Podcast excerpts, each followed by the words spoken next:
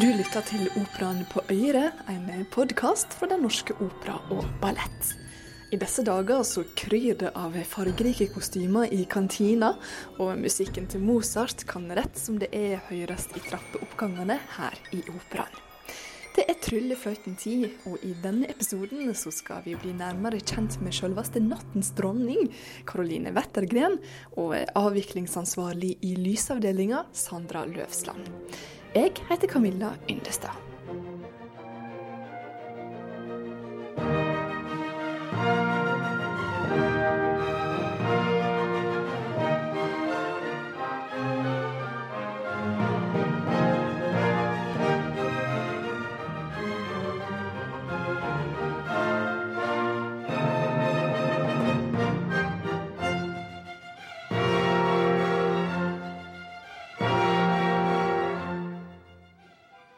Nei, nå har vi vært med fra siden 2015, og det her er faktisk en av de få som jeg ler av fremdeles.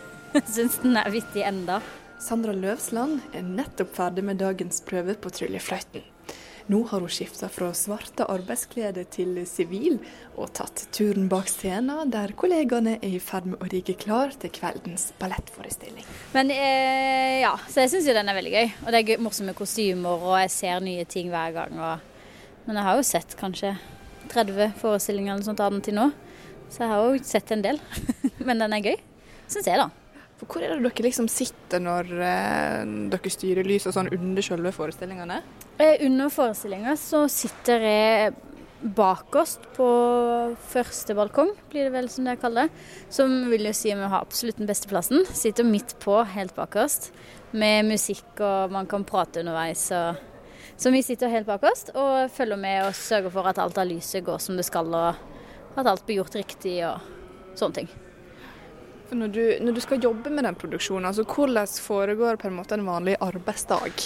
Når du kommer på jobb og vet at i dag så er det Tryllefløyten som står på plakaten? Ja, da begynner jeg jo som regel klokka to. Og så er det jo da avhengig av hvilken forestilling som har prøver på dagtid, for det er det jo som regel alltid. Så da starter jo dagen med omrigg, og man rigger opp taket og lys som henger og alt av teppet blir knytta om.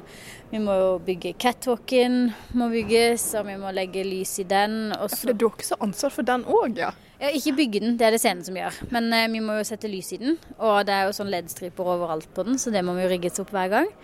Og så når alt er satt på plass og sånn, så må vi fokusere, sørge for at alle alt der fokuserer riktig, og at treffer der de skal. og Altså når alt funker, egentlig. Og så er det jo da når forestillinga begynner og teppet går opp, så er det jo følge skiftliste og gjøre alle stega med å flytte sidestativ og flytte på ting og koble og ja, egentlig sørge for at alt funker. Er ikke du noen gang redd for at ting liksom skal, skal skjære seg på et eller annet slags vis? Jo, eh, akkurat denne her forestillinga, hvis noe går galt på denne, så syns de ikke det, Jeg syns ser det, men det er nok ikke publikum vil nok ikke legge merke til det. For denne her har eh, ikke så Den er veldig forestillingsvennlig for lysavdelinga sin del. Det er noen få lamper som man vil merke hvis det forsvinner. Men eh, man har alltid, som regel alltid en black backup og alt sånt, men det er jo alltid skummelt. Hvis en pære går, eller hvis noe skjer galt, så er det jo Hvis noe går galt, så er det meg eller en lysmester da, som får ansvaret. Uansett hvem som har gjort det. For det er mitt hovedansvar, da, egentlig, å sørge for at alt er riktig. Så det er alltid spennende, alltid, men når teppet har gått opp, så kan du ikke gjøre noe. Da må du bare gjøre så godt du kan, egentlig. Men det er ikke bare rigginga og avviklinga at lysavdelinga har ansvaret for. De har også laga mye av det vi ser på scenen fra grunnen av. Eh, manetene f.eks., som har lys i seg, det har jo vi lagd. Og catwalken har vi jo lagd. Og Nattens dronning er jo lagd. Så der har jo Mats Gråtmolen vært veldig flink til å tenke og planlegge og finne ut av hvordan vi skal gjøre det og finne en løsning. Og, men ja, sånn alt som er lys i, det har vi lagd fra bunnen av. Manetene som Sandra nevner, står lagra litt lenger bort på sidescenen. For de henger her.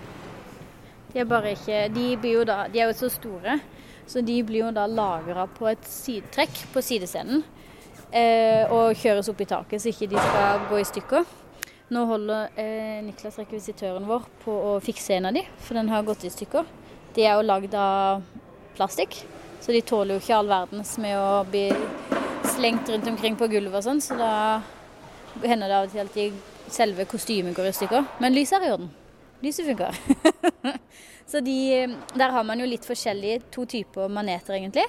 To, en, noen som har noen LED-striper som har en farget shape på seg, som kan bytte mellom den en, Noen går fra grønn til blå, og noen går fra grønn til lilla og, og litt sånn. Mens andre har noen som vi kaller noen sånn thin stripes-tråder som henger ned, som bare har én farge. Grønne tror jeg de er i denne produksjonen, som lyser hele tida. Så de, de, ble jo lagd, og de var det jo Mats som da bestemte åssen det skulle være, og vi bare satte sammen. Det ser jo veldig komplekst ut, liksom, hvis vi går bort her og tar en titt. Ja, for her ser du jo Man har jo de, Alt går på batteri, ja. fordi de skal jo kunne bevege seg rundt omkring på scenen uten å ha en kabel som går, følger etter seg. Så de går på en batteri med batteripakke og styringsbokser og alt sånn på ryggen. Og da har man jo De går på en vanlig lysbryter, egentlig, som det bare går av og på. Nå er jo batteriet tatt ut og satt til lading. Ja, For du har en liten sekk på ryggen her, sant? som du bare tar ut av Ja. Ja, her var det faktisk et batteri, så da, jeg, så da er det batteri um, oppi. Og så, eh, som blir kobla hver forestilling. Og så er det aktørene sjøl som har ansvar for å sette de på. Men vi sjekker de jo selvfølgelig, og da er det jo bare å sette på bruteren. og så, så, lyser de. Så har de en chase. Ja. Så denne her går jo da fra blå til eh, rosa, gul, grønn-aktig farge.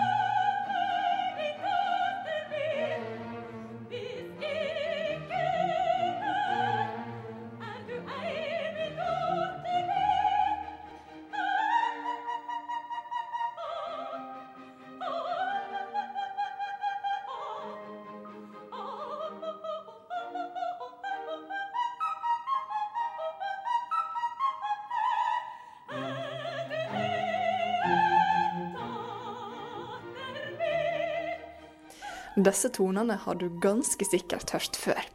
Få ting fra operalitteraturen er så kjent som arien til 'Nattens dronning' i andre akt. Og nå ja, så er det selveste dronninga, eller Caroline Wettergren som hun egentlig heter, som viser vei inn til et stille rom ved sida av scenen. På alle kanter summer det av arbeid, og på gulvet er dansemattene til kveldens forestilling i ferd med å rulles ut. Jeg går på bakscenen til hovedscenen, så tenker jeg alltid på hvor massivt det er. Jeg vet ikke om folk er klar over nøyaktig hvor mye arbeid det er rundt det som er det ferdige resultatet på scenen. Mm. Du har sceneteknikere, og du har koreografer, og du har regissører, og du har et helt regiteam, og sangere og musikere. Det, det er ikke nødvendigvis bare den to og en halv timen som man er på scenen, men det er jo månedsvis og årevis og ukevis med arbeid før den tid i tillegg. Det er ganske kult. Ålreit, skal vi se om vi kommer oss rundt, eller? Etter de har dratt den? Når det er dansematter som legges ut, ja.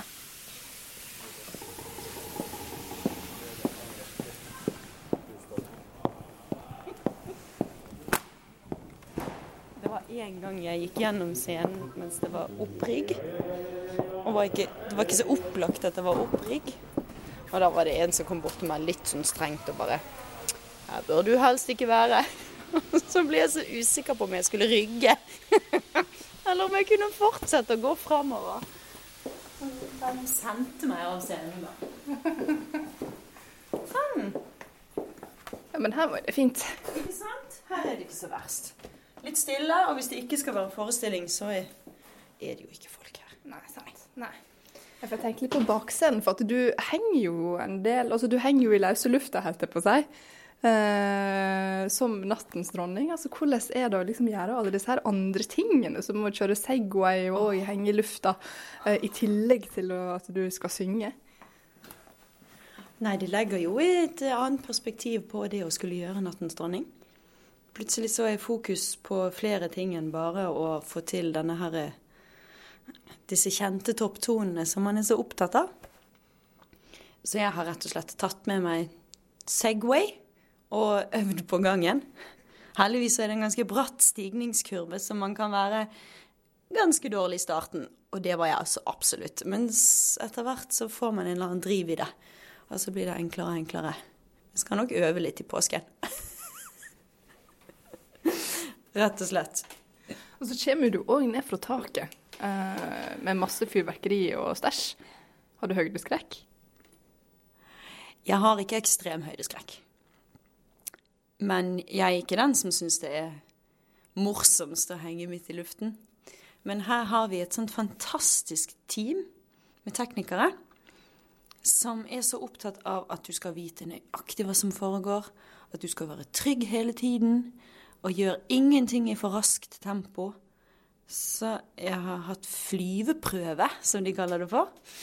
Sånn at ingenting skal skje uten at du er helt sikker på at du er komfortabel. Og da var det jo plutselig langt morsommere enn jeg trodde det var. Og så er det en slags rar illusjon, fordi rundt hovedscenen så er det jo diverse etasjer hvor man kan gå. Sangerne går ikke der, teknikerne går der. Jeg tror ikke jeg skal prøve å ymte meg frampå disse etasjene. Men det står noen i omtrent samme høyde som jeg henger i. Og da har man en slags merkelig illusjon av at man henger ikke i luften allikevel. Man er jo bare på høyde med de som er rundt seg. Så da eh, gikk det veldig mye enklere enn jeg trodde det. Eller hva jeg kanskje hadde forutsett at det kom til å være. Ja. ja. For du har jo hatt prøve i dag òg. Altså hva dere har gjennomgått nå i løpet av dagen? Vi begynte, jeg begynte med å synge da det som er kjent for å være den mest ekstreme arien til 'Nattens dronning'. To ganger klokken elleve. og han driver på og flyver samtidig. Men det er da jeg tenker, da får man jo bare ta på seg Ja, nå får jeg til og med lov til å fly i tøfler. Det er deilig klokken elleve. Um, så da tenker jeg at da får man bare ta begge bena, og så hopper man uti. Og så krysser man fingrene for at det går bra. Ja, For hvem er hun egentlig?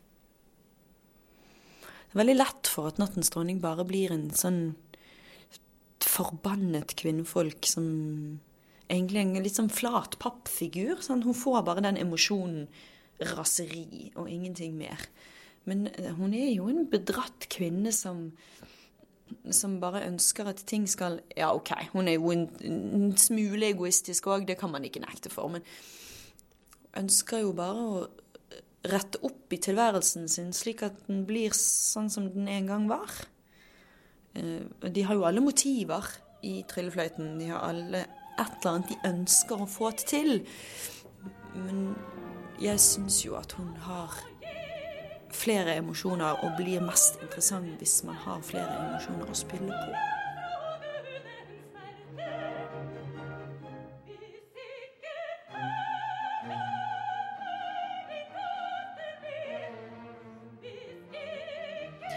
Selv om Karoline har stått på scenen i denne produksjonen av Tryllefløten tidligere, er dette første gang hun synger akkurat denne rolla i Bjørvika. Men det er ikke første gang hun gjør rolla ved et operahus. Karoline har nemlig ei ganske spesiell historie fra forrige sesong. Det var i fjor hvor jeg var eh, på Den norske operaballett. Og vi gjorde 'Barberen i Sevilla. Og jeg gjorde en rolle som heter Bertha. Hun er en gammel sånn husholderske. Um, og ligger i i litt sånn dypt leie for en koloratursopran. Og så ringte agenten min på en fredag kveld, kan tenke meg det var klokken ni eller noe slikt, og spurte om jeg kunne hoppe inn som nattens dronning på Royal Opera House i London neste dag. Og jeg tenkte øh. Vel! Men så sier man jo ikke nei. Det gjør man jo ikke. Så jeg fant fram noten min, og det dukket opp flydokumenter i innboksen min på e-post. Og jeg reiste neste morgen klokken halv syv med fly. For det var ikke en kveldsforestilling. Det var en matinéforestilling. Så det skulle begynne klokken tolv i London. Og jeg av gårde med fly sover jo da naturlig nok ikke så veldig mye med tanke på at man skal synge på Royal Opera House neste dag. Det hadde jeg jo ikke gjort tidligere. Og flyet er forsinket ut. Flyet er forsinket inn. Taxisjåføren som har blitt sendt for å plukke meg opp, han er ikke der når jeg kommer. Så alt dette her gjør at 20 minutter der, 30 minutter der, liksom spiser inn i alt man har av tid. Så jeg var i Covent Garden 40 minutter før start. Og ble plassert i et øvingsrom hvor de lurte på om jeg trengte å varme opp. Vel, jo, kanskje et minutt eller to, vær så snill. Og så hadde jeg fire minutter med dirigenten, og så plutselig så står man på et hjørne av scenen, og noen andre da går partiet i kostyme, og så står jeg og synger på siden.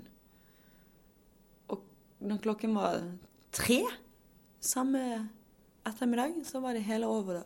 Og så står man der med en litt halvsurrealistisk følelse av å ikke helt forstå hva man har vært med på. Hva er det som nettopp skjedde nå? Men det er nok noe av det, mest sannsynlig noe av det villeste jeg kommer til å være med på i livet. Hva gjorde du etter den opplevelsen? Jeg tror at jeg var såpass utmattet. Jeg syns å huske at jeg bare satt i hotellsengen min og var litt sånn snurrende i hodet. og prøvde å hvile det av meg. Og så flyr man hjem igjen neste dag. Ja. Men nå skal du da gjøre den her på, på heimebane for første gang. Altså, hvordan blir det, tror du? Jeg har vært heldig og vært med i produksjonen før. Jeg har vært med i fjor som førstedame. Og det er selvfølgelig deilig, fordi da kjenner man elementene, og man kjenner produksjonen. Og har tidligere sett den på TV òg. Men det er jo en, en, annerledes og spesiell utgave av Tryllefløyten, hvor Alexander Mørke Edem har trukket inn elementer som jeg ikke tror at min hjerne nødvendigvis hadde kommet på. Men så er det heller ikke min jobb, heldigvis.